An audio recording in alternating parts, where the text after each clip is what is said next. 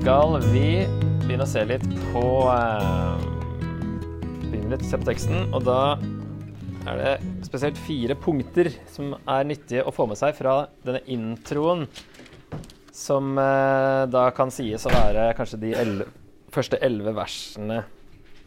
Men kanskje spesielt de åtte første versene eh, sier oss en del. Og da, siden dette er en intro, så kan vi òg få litt sånn innblikk i hva brevet kommer til å handle om, da. Så han begynner jo med å si i vers 2.: Se det bare som en glede, søsken, når dere møter alle slags prøvelser. For dere vet at når troen blir prøvet, skaper det utholdenhet. Men utholdenheten må føre til fullkommen gjerning, så dere kan være fullkomne og hele uten noen mangel. Så vi får her høre at de er i hvert fall under press fra omgivelsene. Alle slags prøvelser, sier han veldig generelt, men at det er i hvert fall Eller han forutsetter i hvert fall at de kommer til å møte prøvelser. Men han sier jo senere dette med de undertrykka av de rike, så det er jo noe som pågår. Virker det som, da. Og så sier han at prøvelser gir utholdenhet, som har fullkommenhet som sitt mål. Og det er jo der vi tenker at vi kan bruke ordet integritet. da, Dette med fullkommenhet. At det ikke mangler noe. Være hele uten noen mangel. Så prøvelser er bra eh, på den måten at det gir utholdenhet, og det prøver troen, sier han. Paulus snakker en del om dette her. Når troen blir prøvet, så skaper det utholdenhet. Og da er poenget ikke å eh, gi opp, men å nå fram til en slags helhet og fullkommenhet. Da. Når du får liksom rensa bort litt ting. Prøv, altså når det blir prøvet, det er et bilde fra når du, når du smelter uh, gull, f.eks., og uh, Eller bruker så tydelig det renset um, som gull. Det er vel første Peter snakker om det.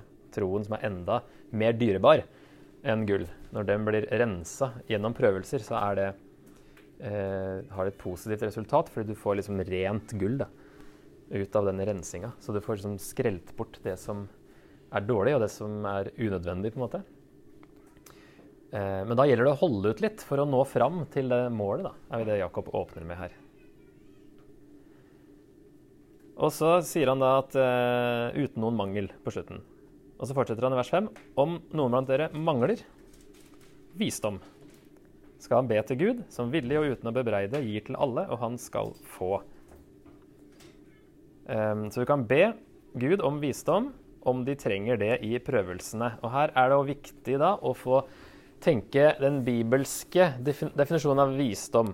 Og spesielt i Jakob, som da ikke skriver til et gresk publikum som hadde andre definisjoner av visdom. Han skriver til, mest sannsynlig da, til jødekristne som hadde den hebraiske definisjonen eller den gammeltestamentlige i hvert fall, definisjonen da, av visdom, som er veldig praktisk om hvordan leve etter Guds vilje. Så det handler ikke om kunnskap og bli vis eh, inne i hodet, men det handler om eh, å leve på en vis måte, altså leve på en måte som er etter Guds vilje. Det er det som er bibelsk visdom.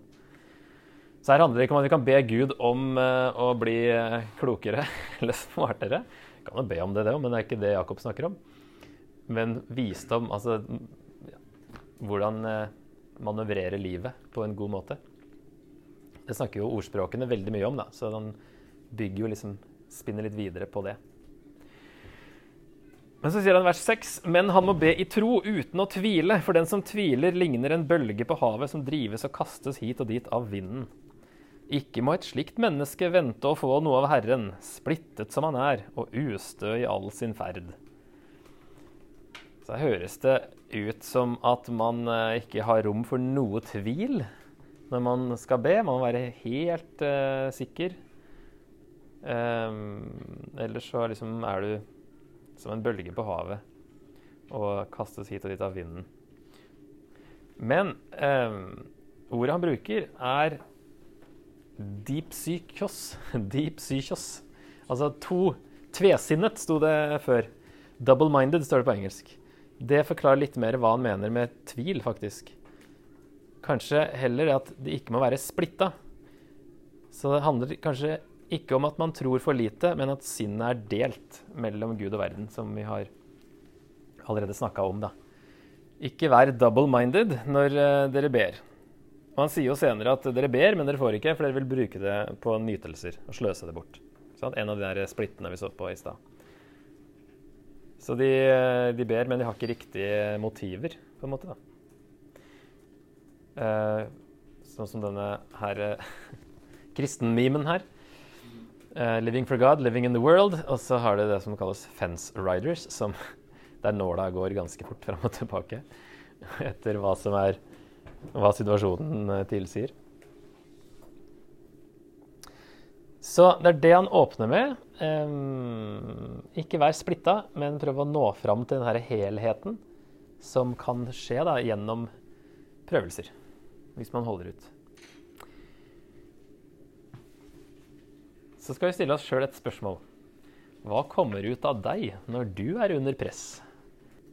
Her er vi ikke vi forfulgt på samme måte, men det kan være generelt, altså når vi er stressa, slitne, trøtte, eller noen som er sultne, eller uh, hangry, som det heter. Hva kommer ut av deg da? Når du blir irritert, provosert, eller når du spiller fotball? Ja, jeg tenkte vi skulle gå litt inn i kapittel 1 og kanskje 2 da, i dag. Etter å ha tenkt litt på oss sjøl her. Uh, som sagt så er jo prøvelser og fristelser egentlig det samme ordet på gresk. Så oversettes det jo i denne her Det som står med prøvelser i vers 2 og prøve i vers 3, gjentas begge her i vers 12. Men da er prøvelser oversatt fristelser, og det er jo sikkert pga. konteksten, som handler mer om det å fristes til det onde. Men i mange engelske så står det 'trial' faktisk her, da. Holder ut i 'trials'. Så der har de tenkt mer altså prøvelser generelt, og noe av det kan jo være fristelser til å synde. Men det jeg syns er interessant å få med, da, er i vers 12. Den han sier det her, salig er det mennesket som holder ut i fristelser. For når han har stått sin prøve, skal han få livets seierskrans, som Gud har lovet dem som elsker ham. Og det nevner han nå en gang senere, at det handler liksom om å elske Gud. Da, på, det er liksom utgangspunktet. Det handler ikke om å gjøre alle disse etiske budene som han ramser opp. Det handler egentlig om å elske Gud. Så det handler ikke om å være god nok, leve rett, holde budene eller unngå fortapelsen, men å elske Gud. Da følger en livsstil som samsvarer med det. Så han er ikke så langt unna Paulus når han kommer inn på de tingene der, da. Så bare verdt å få med seg det. Og så nevner han fullkommen igjen i vers 17.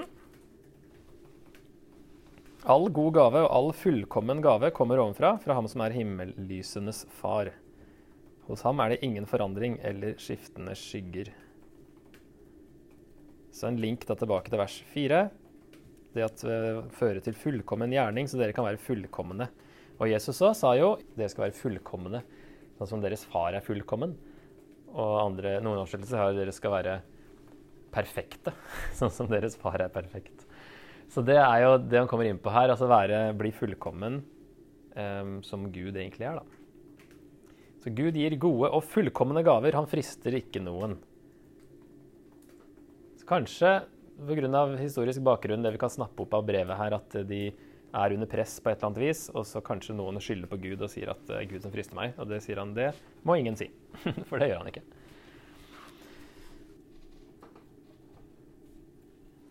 Ja, Eh, så har jeg delt opp da, sånn at den neste bolken er fra 19 til 27, altså ut kapittel 1, der det handler om integritet mellom det å høre og gjøre. Han sier jo 'gjør Guds ord', altså anvendelse. Og som sagt så var jo det Det er sånn Jesus avslutter bergprekenen, at det er dåren, den tåpelige, er den som ikke setter ut i livet det Jesus har sagt. Så her snakker han både på en måte om integritet i temperament, dette med å sinne. For sinne hos et menneske Enhver må være rask til å høre, men sen til å tale og sen til å bli sint. Det er veldig i tråd med ordspråkene. Snakker om at det er veldig vist å ikke være rask i akkurat det. Men sen til å tale, sen til å bli sint, men rask til å høre. Så la andre få snakke ferdig. før man eh, formulerer en respons. Men han sier her at sinne, sinne hos et menneske fører ikke til det som er rett for Gud. Eh, så det er en måte å ha integritet i, da, i temperamentet sitt. Det er ikke så lett alltid det, da, men vi har forskjellig temperament òg. Og så i, i, livsstil generelt, i vers 22, dere må gjøre det ordet sier, ikke bare høre det. Ellers vil dere bedra dere selv. Og så kommer han på det med tale, da, med tunga, i vers 26. Den som mener at han dyrker Gud, men ikke holder tungen i tømme, bedrar seg selv, og hans gudsdyrkelse er uten verdi. Ok, men Så sier han interessant i siste verset, i eh, vers 27, det han kaller for en ren og feilfri gudsdyrkelse. Det er, sier han, å hjelpe enker og foreldreløse barn i deres nød. Kan vi kalle det å elske sin neste, da, og spesielt de utstøtte, som Jesus kom for. Og del B, si, eh, ikke la seg flekke til av verden, som vi kan kalle for å elske Gud. Og ikke være todelt her, da, mellom Gud og verden. Ikke la seg flekke til av verden. Vi er liksom blitt rene og hvite og rensa, og så må vi ikke la oss bli flekka til igjen. Så her er det egentlig 'elske Gud elske sin neste', som Jesus eh, oppsummerte Gammeltestamentet med. Sagt på en veldig sånn spesifikk måte, kanskje. Men vi ser jo gjennom hele Bibelen at eh, enker og foreldreløse og fattige er på Guds hjerte hele veien. Så det er ikke tilfeldig at de nevnes her. Ja, Det handler om rikdom da, i første delen av kapittel to. Og egentlig så handler det om integritet i hvordan de behandler hverandre. Fordi, som Jakob sier, Jesu etterfølgere kan ikke gjøre forskjell på folk når Jesus ikke gjorde det. Jesus kom spesielt for de fattige og utstøtte. Hvis de favoriserer de rike, oppfører de seg som de som forfølger dem. For det er jo de rike som undertrykker dem, sier han. Så det henger ikke på greip verken med at de sier de følger Jesus og overser de fattige, og at de da oppfører seg som de som undertrykker dem. Det er jo veldig merkelig.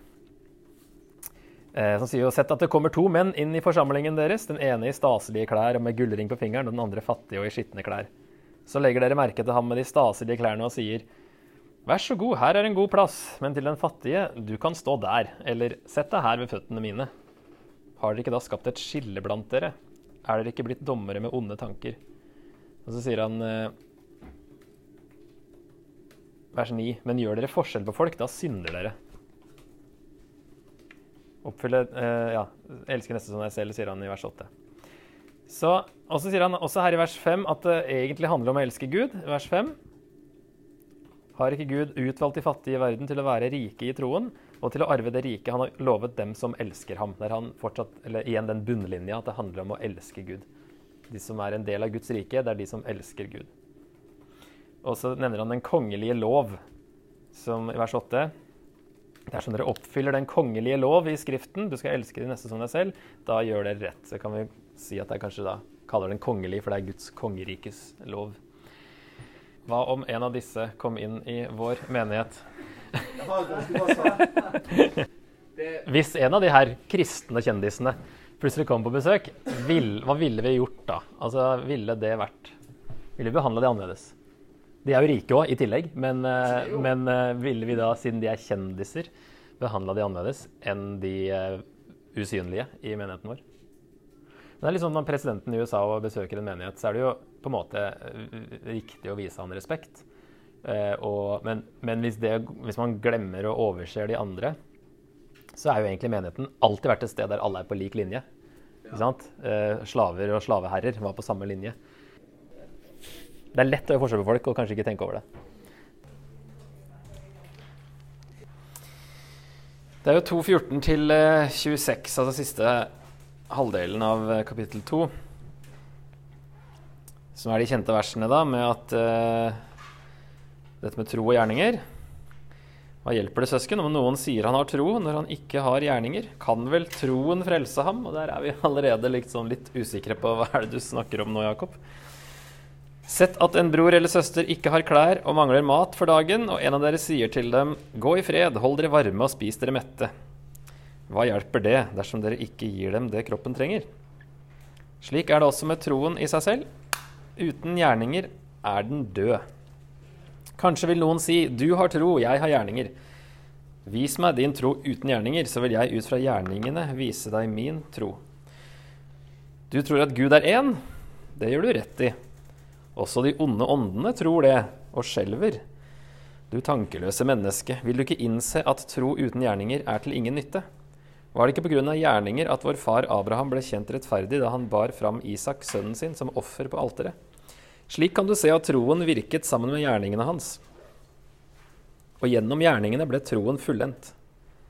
Dermed ble denne, dette skriftordet oppfylt. Abraham trodde Gud, og derfor regnet Gud ham som rettferdig, og han ble kalt Guds venn. Dere ser altså at mennesket kjennes rettferdig pga. gjerninger, og ikke bare pga. tro. Var det ikke slik med Rahab også, hun som var prostituert? Hun ble kjent rettferdig pga. gjerninger fordi hun tok imot utsendingene og slapp dem ut en annen vei. For som kroppen er død uten ånd, er troen død uten gjerninger. Ok? Hva tenker vi om dette så langt? Sant? Veldig interessant observasjon. Det var ikke pga. gjerninger at han ble rettferdiggjort, men så er det at han trodde Gud som ble oppfylt. Sant? Veldig bra. Men eh, det er mulig da, at noen har misforstått Paulus. Um, eller at det spiller inn Selv om romerne er ikke kanskje skrevet ennå, så har jo Paulus snakka om ting uh, flere ganger. Og Paulus sier i Romerne 3 at noen har misforstått hva han egentlig mener med dette med tro og gjerninger. Romerne 3, 5-8. Skal vi ikke da like godt gjøre det onde, så det gode kan komme? Vers 8. Det er noen som håner oss og sier at det er dette vi lærer. De skal få den dommen de fortjener. Noen som håner oss og sier at det er dette vi lærer, og det kan liksom gjøre det onde, da. Fordi vi trenger ikke å tenke på hvordan vi lever. Så noen har ment at det er det Paulus eh, sier, da. Så i hvert fall så um, et, ja, Jeg tror det er tre ting da, som hjelper oss med de her eh, såkalte motsigelsene mellom Paulus og Jakob. Det første er hvem de skriver til. Hvem er Hva slags For å spørre veldig enkelt Hva slags etnisitet har leserne? Og jøder trodde jo alle på Gud. De har en tro på Gud. Men det er ikke eh, nok da, å bare ha en, tro, en, form for tro på at Gud fins. Um, det må være noe litt dypere enn det, da. For her er det selv demonene tror. de, de, lever ikke akkurat uh, som man burde. Så det hjelper oss litt med hvorfor de kan snakke på to forskjellige måter. Det hjelper oss videre til um, at de dermed ikke har samme definisjon av tro, faktisk. Jakob snakker om en generell tro på Gud, ikke en frelsende tro, som Paulus gjør. Paulus' sin definisjon inkluderer et nytt liv med gode gjerninger, som han sier mange steder, men f.eks. da i Romerne 6. Utenkelig for Paulus å bare fortsette i et syndig liv når du har kommet til tro. Selvfølgelig så endrer du kurs. Og stiller deg til tjeneste for rettferdigheten og for Gud, sier han.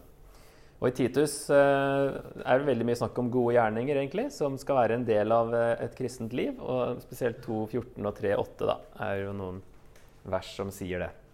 At Paulus eh, sier det på en annen måte. Han har en smalere definisjon av tro, da, kan vi si. Jakob snakker veldig vidt om tro, altså bare å tro på Gud, at han fins, nærmest. Eh, mens Paulus eh, mener denne troen fører til et liv, eh, et nytt liv. Så det hjelper oss jo litt med tro og gjerninger. Jakob har delt de opp. Paulus inkluderer disse gjerningene eh, i troen. Og da snakker vi om gjerninger etter frelse. Det gjør Jakob også. Han snakker ikke om å bli frelst ved gjerninger. Men han snakker på en måte at den frelsen, altså det at Abraham ble rettferdiggjort ved tro, det viste seg i gjerningen. ikke sant? Han ble både Ordet ble oppfylt, at han ble eh, rettferdiggjort ved tro, når han ble kjent rettferdig pga. gjerningene.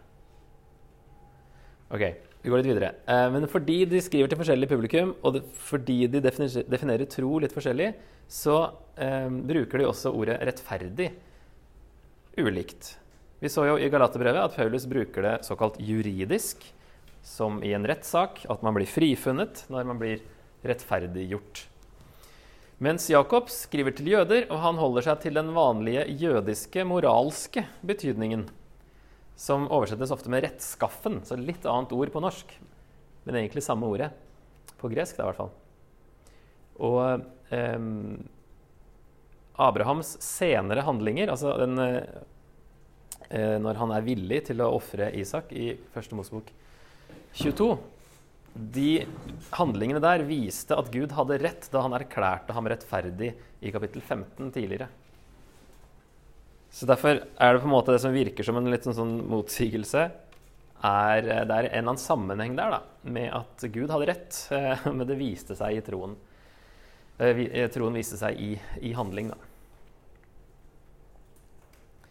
Så man kan si at Paulus snakker om gjerninger før frelse når han sier at uh, vi er frelst ved tro alene og ikke ved lovgjerninger. Jakob snakker om gjerninger etter frelse. Eller vi kan si Paulus snakker om å bli rettferdiggjort nå, men Jakob om å bli rettferdiggjort i dommen. Uten at det Altså, det vil, Paulus også snakker om det, at uh, vi er rettferdiggjort nå, men vi må jo holde kursen, løpe løpet. Um, og han inkluderer det her, sant, et nytt liv i riktig retning. Så hvis man bare holder seg på den kursen, så blir man rettferdiggjort i dommen. Men Jakob ser på det på en litt annen måte og deler det litt mer opp. Tenker litt mer jødisk. Um, der man da liksom skulle ja, rettskaffen en sånn uh, vurdering av uh, livet til et menneske, en bedømmelse som da egentlig skulle skje på dommens dag. Men som Abraham da viste at eh, den eh, si, dommen ville gå bra. Han var en rettskaffen person, men han, seg, den troen hans viste seg i gjerninger. Så det ble oppfylt, det at han eh, trodde Gud, derfor regnet Gud det som rettferdig. Det ble oppfylt på den måten at han levde det ut, han viste det, og det viste seg å være en riktig vurdering av Gud når han da hadde eh, Når han viste det i handling senere. Ok. Um, men vi må unngå å bli så opphengt i å harmonisere Jakob med Paulus at vi går glipp av poenget hans. Og poenget er da det hjelper ikke å ha en korrekt teologi hvis den ikke vises i livet. Troen er ikke bare intellektuell. Jakob utfyller Paulus, da kan vi si her, med å fokusere litt mer på det eh, enn det vi kanskje syns er behagelig noen ganger. Hjelper ikke å ha korrekt teologi hvis den ikke vises i livet.